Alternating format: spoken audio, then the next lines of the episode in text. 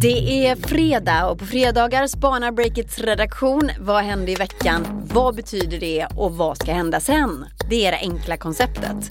Välkomna till Breakit Daily och Fredagsspaningen. Jag heter Katarina Andersson.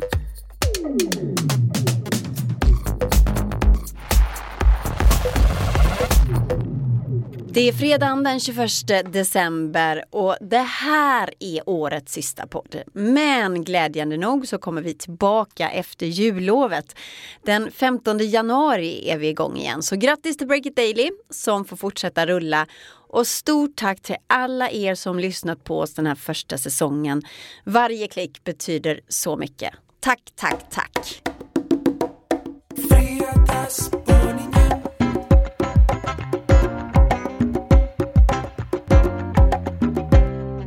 Välkommen in i poddstudion för att fredagsspana, reporter Tove Boström. Tack så mycket.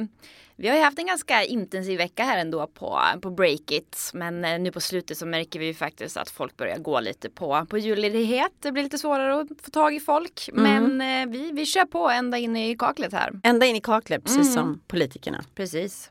Okej Tove, vilken är din första spaning? Ja, i veckan så har jag ju bland annat skrivit om eh, konkurrensen bland eh, nätläkarna. Himla spännande tycker jag. Mm. I eh, början av veckan så skrev jag om doktor.se som har etablerat sig i Sörmland och därmed kan bedriva avgiftsfri vård.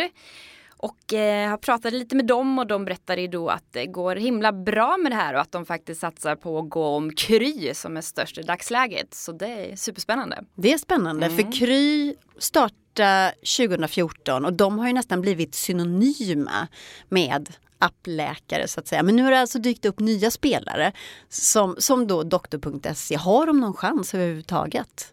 Ja men det, det tror jag, det får vi väl ge dem.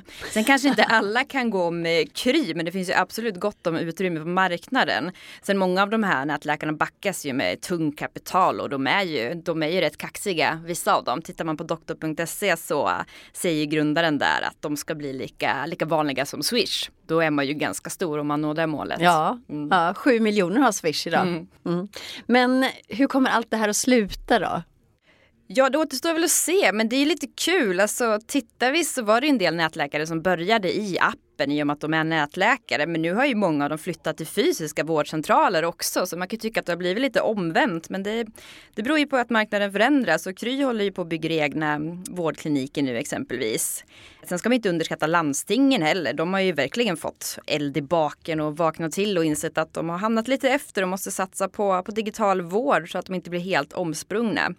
Eh, men säkert i alla fall att svenskarna har ju valt sig vid nätläkare så de är, de är här för att stanna. Mm. Jag gillar dem. Jag med.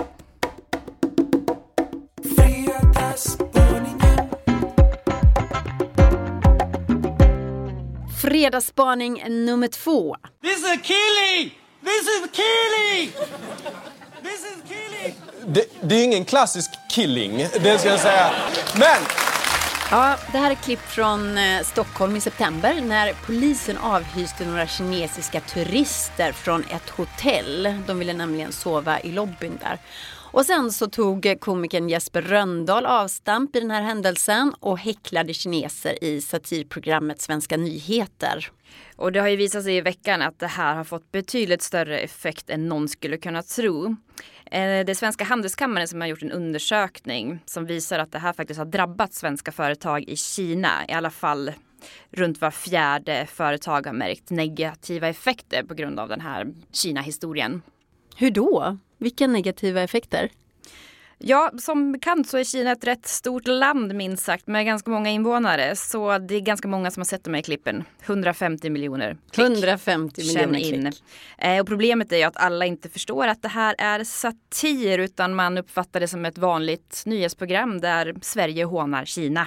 Eh, och med hastigheten i sociala medier så har ju det här spridit sig snabbt och eh, det faktum att det är lite ironi och satir har hamnat lite i skymundan. Eh, så många ser ju det här klippet och så läser man undertexterna och tycker att Jesper Röndahl då levererar rasistiska påståenden om kineser. Och ja, man tror att det är ett svenskt nyhetsprogram. Mm, från svensk stats-tv typ. Ja. ja, då fattar man ju att det kan slå fel. Mm. Samtidigt ska man poängtera då att eh, 60 svenska företag som är med i undersökningen, bland dem så uppger väldigt få att deras affärer har drabbats av det här. Så inga pengar, inga hårda pengar sådär?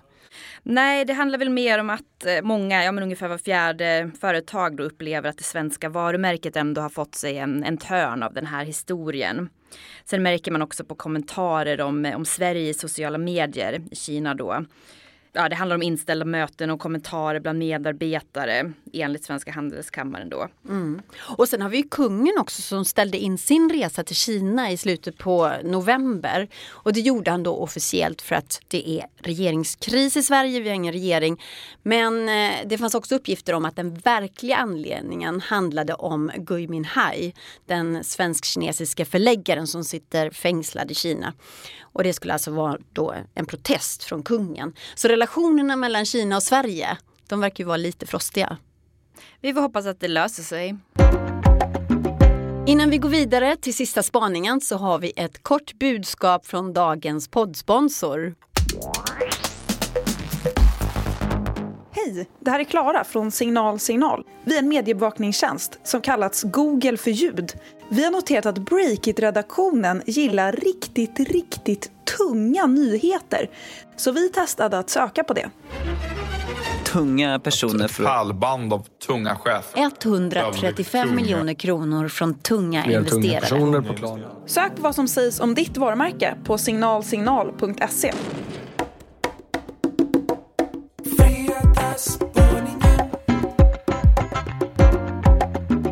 Sista fredagsspaningen Tove. Det är ju juletider och det är ju alltid något företag som lyckas ställa till det. Eh, veckans skamföretag verkar vara Adlibris, eller det är Adlibris.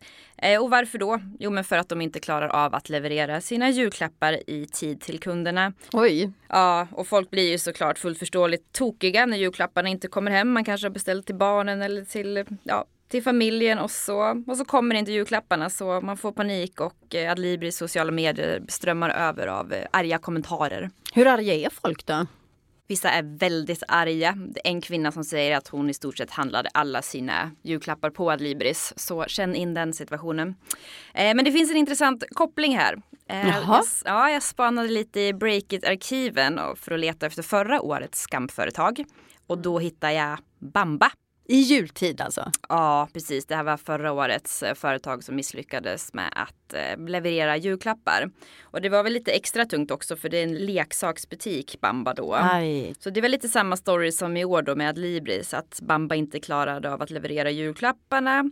Man angav bland annat Black Friday, pressen under Black Friday och efter Black Friday som en orsak. Mm. Eh, vi publicerade en artikel med en väldigt ledsen unge där, såg jag.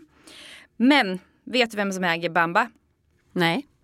Adlibris-gruppen. Adlib Skamföretagen har kopplingar. Ja, precis. Man kan ju tycka att de borde ha lärt sig någonting av det här kanske.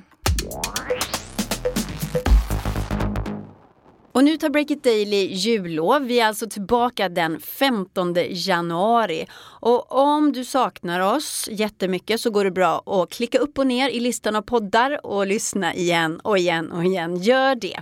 Ansvarig utgivare för podden är Olle Aronsson. Tove Boström var fredagsspanare. Jag heter Katarina Andersson. Och från oss alla på Breakit-redaktionen till er alla. En riktigt god jul.